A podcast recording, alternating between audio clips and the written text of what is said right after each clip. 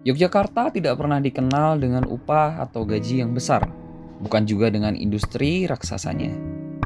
Berdasarkan data Bapeda DIY yang diakses melalui laman bapeda.jogjaprof.go.id, ada lebih dari 260 ribu UMKM di daerah istimewa Yogyakarta.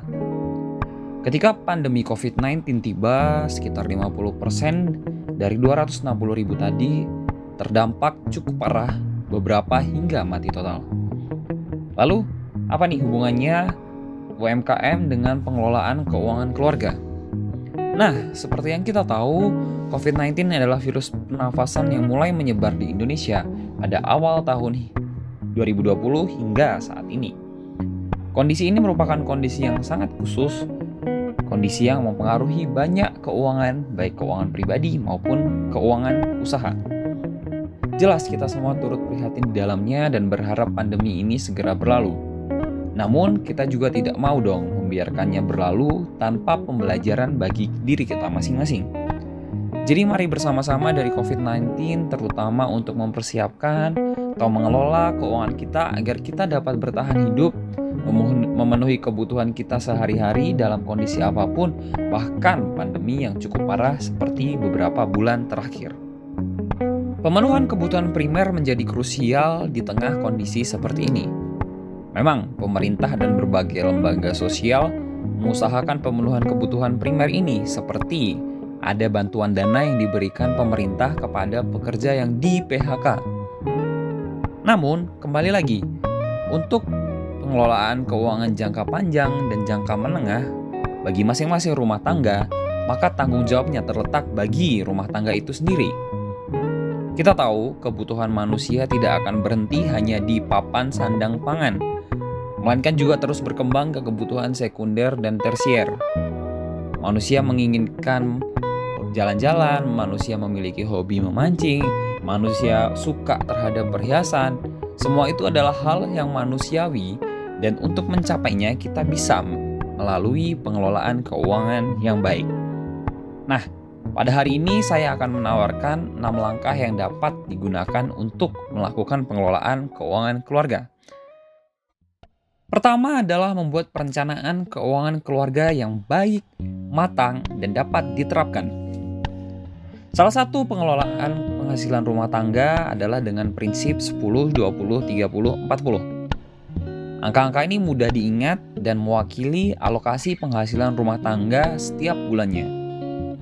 Angka pertama, ada 10, menandakan 10% dari pendapatan digunakan untuk kebaikan. Kita bisa berderma, kita memberikan zakat, atau kegiatan sosial lainnya.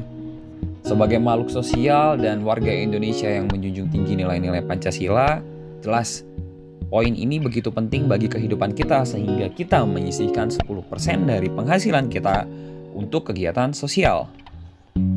Angka yang kedua, 20%. 20% ini mewakili untuk investasi yang harusnya kita lakukan. Jadi ada seperlima dari penghasilan kita yang kita sisihkan untuk berinvestasi, untuk membeli obligasi, menanamkan di saham atau investasi-investasi lainnya seperti emas dan deposito. Nah, untuk poin khusus ini nanti akan dibahas lebih lanjut di langkah yang keempat. Angka berikutnya 30%. 30% ini akan kita gunakan untuk melunasi cicilan. Cicilan di dalam rumah tangga adalah hal yang wajar ketika kita membeli rumah, ketika kita membeli kendaraan, atau membeli perkakas-perkakas lainnya, tidak selalu kita bisa membayar dengan cash, sehingga kita harus mengeluarkan kredit. Namun, ada angka yang kita berikan, 30% sebagai batasan supaya kita tidak terlalu banyak mengkredit barang. Jadi tidak ada ceritanya di dalam keluarga setengah atau 60% penghasilan kita hanya untuk membayar uh, kredit kredit dan kita tidak mempunyai uang untuk kita konsumsi sehari-hari. Kemungkinan buruk yang mungkin terjadi adalah proses gali lubang tutup lubang di mana kita nanti akan meminjam uang untuk melunasi kredit-kredit kita yang lama. Olehnya angka 30% ini cukup penting bagi setiap keuangan keluarga untuk ditentukan dan diberlakukan. Angka yang terakhir, angka yang keempat, 40%. 40. Ini adalah mewakili konsumsi kebutuhan setiap rumah tangga. Angka ini sudah cukup wajar sehingga uh, gaya hidup kita akan menyesuaikan dengan penghasilan kita. Bukan kita membeli barang-barang sekedar hanya karena kita menginginkannya, tapi kita juga melihat daya beli yang kita miliki dari penghasilan kita. Perlu diperhatikan, angka 10, 20, 30, 40 ini masih bersifat fleksibel dan dapat disesuaikan dengan kondisi masing-masing keluarga dengan berdasar misalnya data historis. Data historis maksudnya kita melihat selama ini pemakaian konsumsi kita berapa persen, pemakaian untuk investasi kita berapa persen, dan pemakaian untuk bayar kredit kita berapa persen, kita bisa gunakan itu sebagai dasar ketika kita memandangnya ideal. Kita juga pakai bisa pakai cara yang lain yaitu menetapkan target. Misal kita ingin uh, memiliki kekayaan sekian pada tahun sekian, maka kita harus berinvestasi sekian persen dan menekan konsumsi kita menjadi 20, menjadi 30 persen. Dan dengan demikian kita bisa mencapai target tersebut dengan perencanaan yang kita miliki. Nah, uh, 10, 20, 30, 40 masih bisa juga ditambah angka-angka lain seperti misal kita taruh 5% di perencanaan kita setiap bulannya untuk dana darurat. Seperti misal ada saudara yang uh, tiba-tiba sakit kita harus memberikan uh, dana ke sana atau datang ke sana. Dana-dana darurat ini kita sisihkan setiap bulannya 5% dan sementara mungkin kita masukkan ke dalam tabungan dan investasi ketika kita tidak menggunakannya. Itulah langkah pertama dan kita lanjut. Ke langkah kedua adalah mencatat pengeluaran dan pemasukan Kegiatan ini cukup membosankan karena dilakukan secara rutin dan beberapa orang menganggapnya tidak penting. Padahal, mencatat pengeluaran dan pemasukan sangat berguna untuk mengetahui ke mana saja uang yang kita keluarkan dan dari mana saja pemasukan kita datang. Ingatan kita sebagai manusia cukup terbatas, sehingga kita memerlukan bantuan alat-alat pencatatan agar kelak ketika kita ingin melihat kembali kita dapat menemukan data-data terkait pengeluaran dan pemasukan kita. Lebih detail pencatatan yang dilakukan maka akan lebih baik, tetapi tentu saja sebaiknya pencatatan ini tidak mengganggu aktivitas rutin di rumah tangga.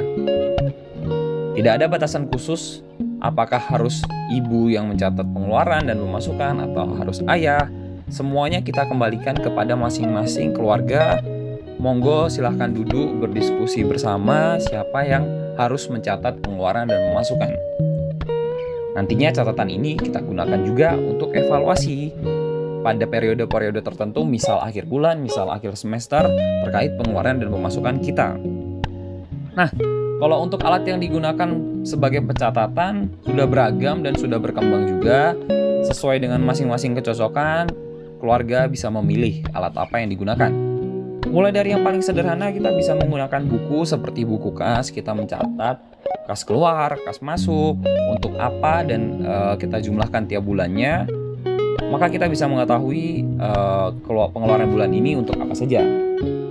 Kalau untuk alat-alat yang lebih modern, sekarang sudah ada Google Spreadsheet atau minimal Microsoft Excel di mana kita bisa menjumlahkan masing-masing uh, kelompok kategori pengeluaran sesuai dengan uh, keinginan kita.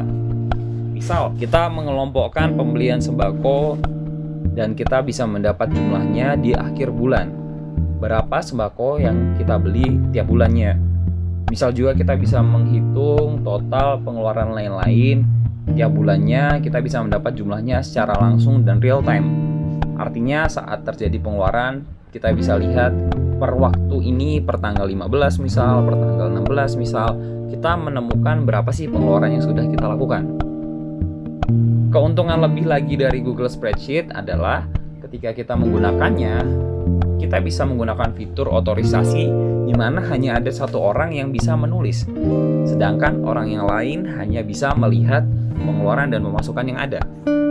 Dengan demikian kita bisa membuat keuangan keluarga yang transparan di mana semua orang di dalam rumah bisa melihat, mengetahui kondisi dan ikut ambil bagian dalam menerapkan perencanaan yang sudah kita lakukan di tahap pertama.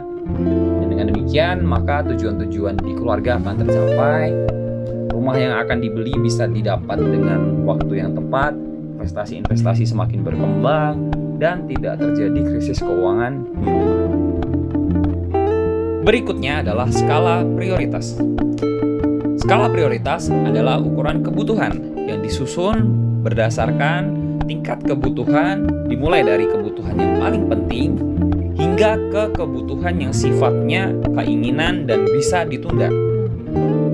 Hal ini perlu dibuat untuk memenuhi kebutuhan yang kita butuhkan pada waktu yang tepat dan kita bisa melakukan penundaan terhadap pembelian barang-barang yang sifatnya hanya keinginan saja dan tidak begitu penting dan kita bisa menghindari hutang-hutang yang seharusnya bisa dihindari. Skala prioritas juga memungkinkan perubahan yang terkendali ketika kita menggunakan uang. Pada poin pertama, kita tahu setiap keluarga sebaiknya melakukan perencanaan keuangan.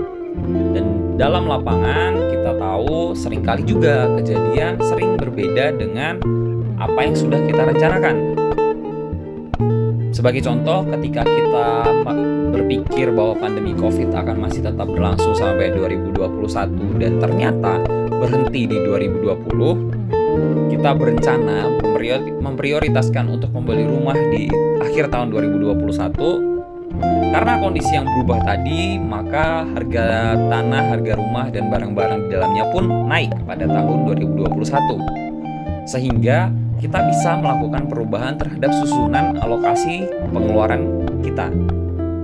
Ketika kita pertama memiliki cicilan sebesar 35% karena harganya naik, maka kita harus mengubah porsi dari cicilan ke 35% dan kita bisa menurunkan porsi sosial menjadi 8% dan investasi menjadi 17%. Dengan demikian, kita bisa mendapatkan keinginan dan kebutuhan kita, prioritas kita untuk memiliki rumah, rumah di tahun 2021. Nah, skala prioritas ini harus mengutamakan kebutuhan dibanding keinginan. Kebutuhan dasar kita, kita tahu ada papan, sandang, dan pangan. Dan ketika kita punya data historis perencanaan kita berapa untuk kebutuhan pangan, konsumsi sandang, dan pembayaran biaya-biaya papan, kita bisa menyisihkannya terlebih dahulu ketika kita menerima gaji. Sebesar sekian persen kita sisihkan untuk makan bulan ini, untuk pembayaran pajak bumi dan bangunan, untuk pembayaran perawatan rumah, untuk pembayaran pembelian pakaian, kita sisihkan lebih dahulu di awal. Baru selanjutnya kita berangkat ke kebutuhan-kebutuhan yang tidak sepenting papan sandang pangan. Namun di era seperti ini kita tahu kebutuhan seperti kesehatan dan pendidikan juga termasuk dalam kebutuhan yang harus kita penuhi. Sehingga uang SPP, uang UKT kita singkirkan terlebih dahulu di awal. Baru berikutnya kita lihat terkait dengan hutang-hutang kita. Karena hutang berkaitan dengan pihak ketiga, maka kita juga harus meletakkannya di atas, di skala prioritas bagian atas. Kita sisihkan sebagian sesuai dengan cicilan yang harus kita bayar tiap bulannya. Nah, baru setelah itu kita bisa memikirkan keinginan-keinginan kita seperti membeli mobil, membeli barang-barang hobi lainnya atau juga untuk liburan kita sisihkan di akhir di skala prioritas bagian bawah. Maka setelah kita menentukan skala prioritas dan melakukannya, kita bisa mendapatkan kebutuhan kita, juga kita bisa merencanakan keinginan kita pada waktu dan tingkat daya beli yang sama.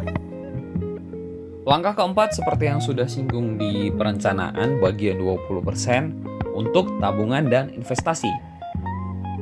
Perbedaan tabungan dan investasi terletak pada resiko dan tingkat pengembaliannya. Di mana tabungan kita meletakkan bunga di bank, kita bisa mengambilnya setiap saat, dan kita mendapatkan bunga yang tetap dari bank dan di mana bunganya relatif kecil. Sedangkan untuk investasi, ketika kita meletakkan uang kita di investasi, kita bisa tidak selalu bisa mengambil uangnya. Juga kita memiliki resiko yang datang sesuai dengan investasi yang kita ambil. Namun tentu saja dengan pengembalian yang lebih besar.